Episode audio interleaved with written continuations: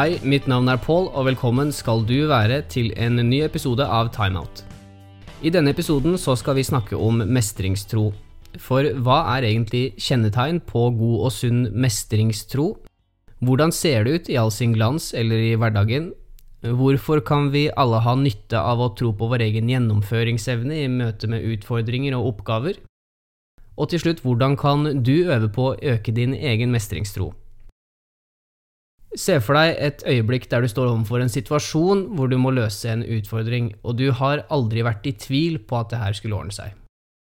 Du var fra første stund overbevist om at det her skulle gå veien, uansett hva som måtte møte deg, jo, du fikser det.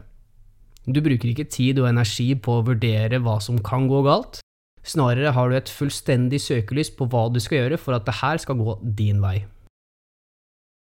Under selve oppgaveløsningen så har du full tiltro til det du driver med, og du evner å se deg selv gjøre de riktige tingene før det i det hele tatt har skjedd.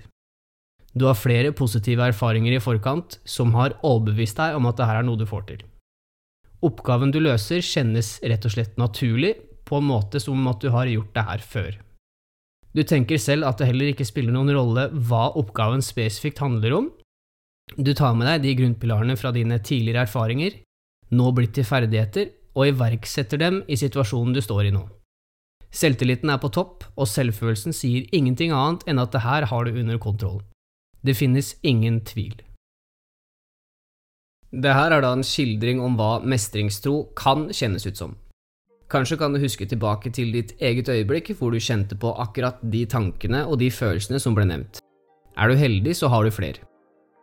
Først, tenk tilbake til den gangen dere spilte fotball eller håndballcup, eller hva enn du drev med når du var f.eks. ti år. Til denne fotball- eller håndballcupen så møter du opp klar og superspent tidlig lørdag morgen, og dere vinner første kamp.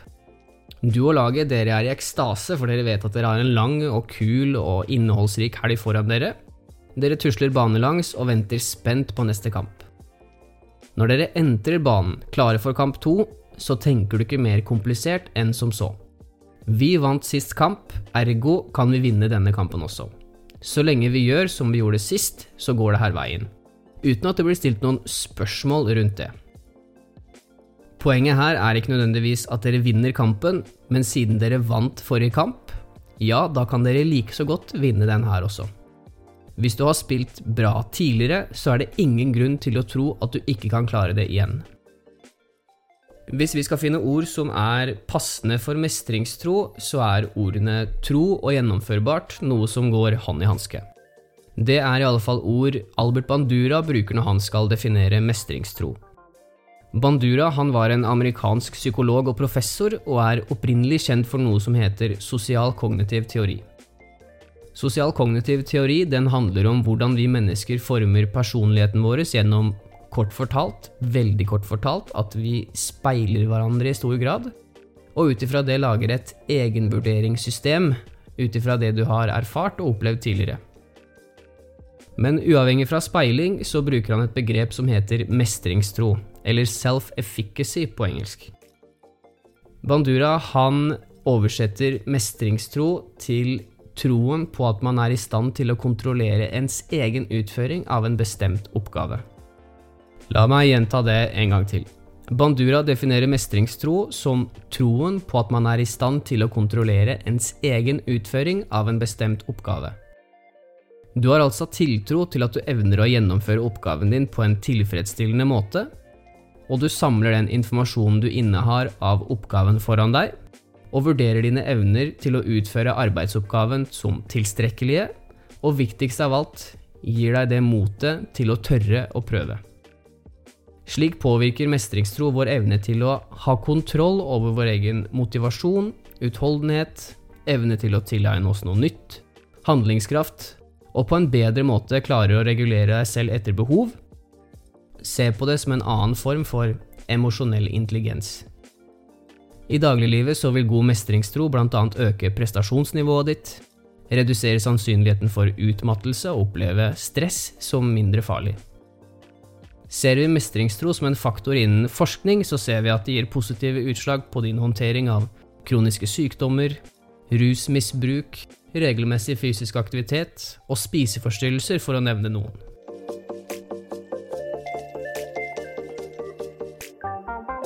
Innenfor mestringstro så er det gjerne fire faktorer som spiller en spesielt stor rolle. Det er selvopplevd mestring, rollemodeller, verbal overtalelse og til slutt din respons i møte med oppgaven. Selvopplevd mestring det er det vi med sikkerhet kan si er den sterkeste bidragsyteren til økt mestringstro. Fordi det er faktisk ingenting som i in vivo kan overtale deg om at noe er gjennomførbart, mer enn det å faktisk gjennomføre noe og lykkes. Samtidig så kan effekten av å mislykkes ha motsatt virkning på mestringstro. At du da, ved å mislykkes, reduserer din evne til å se deg selv lykkes. Da er det verdt å skille mellom hva med oppgaven som i realiteten er for vanskelig, og hva du tror med din virkelighetsoppfatning at du ikke har evner til. Videre så kan vi se på hvor, hvilken påvirkningskraft rollemodeller har, i den forstand at du er vitne til hvordan andre klarer å lykkes.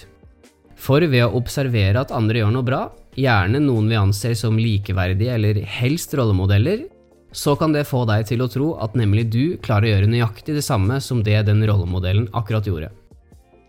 Se for deg den tiåringen som er på helgecup med laget sitt. Som en del av underholdningen ved arrangementet så stiller en av Norges landslagsspillere opp som gjest på hovedscenen.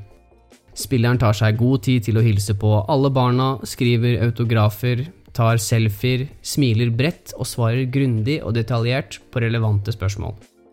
Spørsmål om hvordan han har blitt så god. Senere den uka så sitter faktisk den samme tiåringen klistra foran skjermen og forguder alle ferdighetene sitt splitter nye idol allerede har inspirert deg til å jobbe etter. Videre så er verbal overtalelse og din respons til oppgaven viktig. Uttrykket 'du er hva du tenker' har noe tyngde ved seg her, og en positiv indre dialog, gjerne i direkte sammenheng med oppgaven du skal løse, kan gi den effekten at du setter deg selv i et positivt stemningsleie, og oppgaven blir dermed mindre skremmende, ergo du vil finne oppgaven som mindre vanskelig og mer gjennomførbar. Som fjerde faktor er det til slutt din respons i møte med oppgaven som er avgjørende. Vår respons og emosjonelle, følelsesmessige reaksjon spiller en rolle i hvordan du opplever situasjonen du står i. Hvis du tar deg selv i å se situasjonen som skremmende eller for stor, snu det om til at dette er spennende og som en mulighet for å vise hva du kan.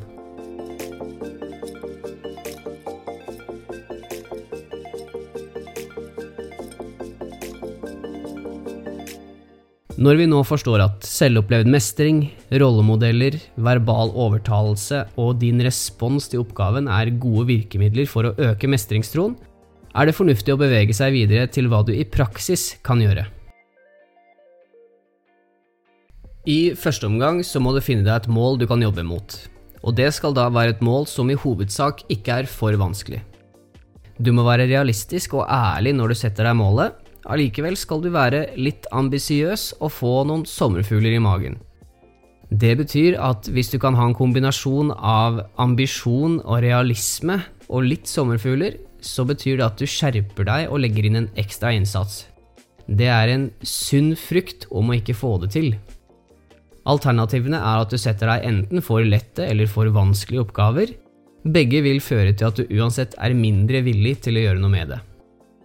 Ved å være ærlig overfor hvor du står nå, og setter deg et mål som er et hårstrå høyere enn hva du klarer å få til, da er vi inne på noe. Det hjelper også å sette seg mål om å forbedre noe du liker å drive med, noe som ikke nødvendigvis krever så mye energi. Her kan du enten børste støv av gamle kunster, eller prøve noe nytt for å finne inspirasjon. Og skulle du mislykkes, akseptere at du ikke klarte å nå målet ditt denne gangen. Ta heller med deg den erfaringen du har nå, og bygg videre på den. Og når du har satt målet ditt, ha søkelys på prosessen i å bli bedre i det du driver med, framfor de resultatene du så sårt ønsker. For det er enkelt å kun fokusere på selve målet du ønsker å oppnå. Samtidig er det enklere å nå målet hvis du har en klar plan og følger metoden du bruker for å nå målet. For tro det eller ei, det er faktisk slik at den ene er mer effektiv enn den andre i det lange løp. Og tross at et prosessmål kanskje er litt mer diffust og har hovedfokus på selve prosessen og metoden for å nå målet, så er det tross alt i det lange løp en mer effektiv måte å sette en målsetning på, ergo opprettholde din mestringstro, kontra hvis du setter et resultatmål. Men dette er informasjon til en annen episode. Det som er flott med at du da setter deg disse nye målene, er at bak ethvert mål så ligger det også autonomi og eierskap, som også er da en åpenbar bidragsfaktor til at du tar bedre valg. For hvem vil vel mislykkes med viten om at du kunne gjort noe med saken? La oss sette det vi i denne episoden har snakket om, i et nytt perspektiv. Denne gangen skal vi nå holde en presentasjon. Og du skal eh, enten presentere for et ganske stort publikum eller bare noen få du kjenner godt. Begge situasjonene vil uansett på en eller annen måte gi deg sommerfugler i magen. I en slik situasjon så kan det være enkelt å tenke på alle tingene som vil være skummelt, fordi du vet fra tidligere at du har vært supernervøs under presentasjoner, og hvis du først har begynt å slite med å få orda ut, ja, da er det en nedovergående spiral som ikke tar slutt før du treffer bånd. Heldigvis så er du en tøffing og har begynt å søke ut en løsning på hvordan du kan bli kvitt denne sceneskrekken. Du har skjønt at det kan være lurt å øve på hva du skal si foran speilet, for da har du et visuelt bilde av hvordan du ser ut der du står, og du kan gjøre justeringer i forkant av presentasjonen, både på ordene du skal si og posituren du holder. Og siden du nå har øvd på denne presentasjonen din, så vet du bedre nøyaktig hva du skal si, og du slipper bekymringen om at du ikke skal finne orda, du har allerede øvd dem inn og har et mentalt bilde på hvordan dette skal gjennomføres. Du kjenner kroppen produserer sunne mengder adrenalin, noe som gjør at du blir skrudd på, Samtidig som du ikke får det som kalles for overtenning, hvor begeistringa overstiger din evne til å kontrollere de, og nytten med adrenalinet begynner å jobbe mot sin hensikt. Du går gjennom side om side og øver med den innlevelsen du vet du skal ha når du står der i alvoret. Noen få strakser før presentasjonen gir du deg selv positive, trygge og motiverende ord, som en form for egenomsorg, din egen verge som forteller deg at det her klarer du.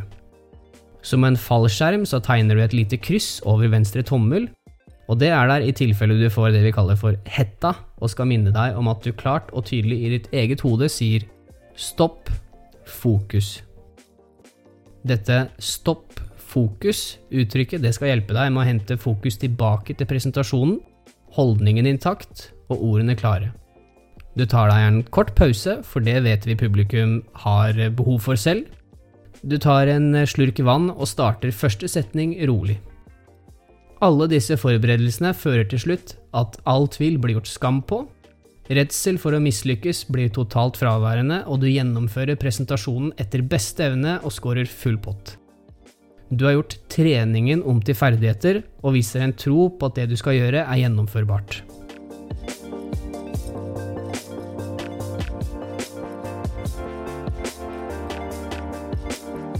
Et eh, nevneverdig punkt til slutt, det er den følelsen du kanskje sitter igjen med akkurat nå.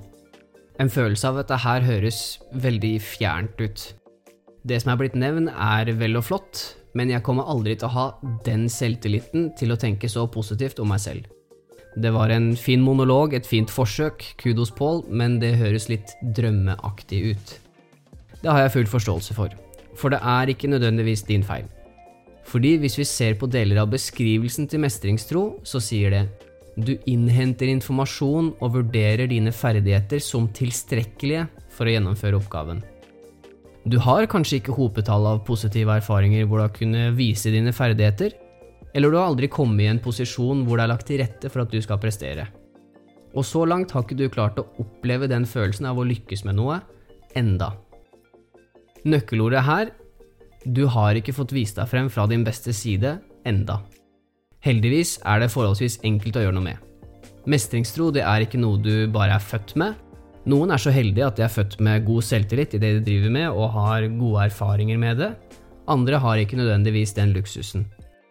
Men det betyr jo ikke at en sunn mestringstro ikke kan utvikles gjennom positive opplevelser. Det betyr at du må ikke være født med det, du kan faktisk tilegne deg ulike ferdigheter gjennom å lære deg selv å kjenne, finne ut hva du selv ønsker å gjøre noe med, og overbevise deg selv om at det er verdt et forsøk. Mestringstro er blant flere interessante temaer som vi sammen skal prøve å finne svar på og løsninger i tida som kommer. Husk at mestringstro det er relativt og noe du selv skal oppleve. Ikke gå gjennom en ekstern tredjepart for å finne tro i deg selv. Ja, vi kan si at en verbal overtalelse og det å møte rollemodeller har en positiv effekt på mestringstro, men det er ingenting mer effektivt enn å selv oppleve at en oppgave er gjennomførbar. Ha tiltro til deg selv, og stol på at det her ordner seg så lenge du gir det et helhjerta forsøk.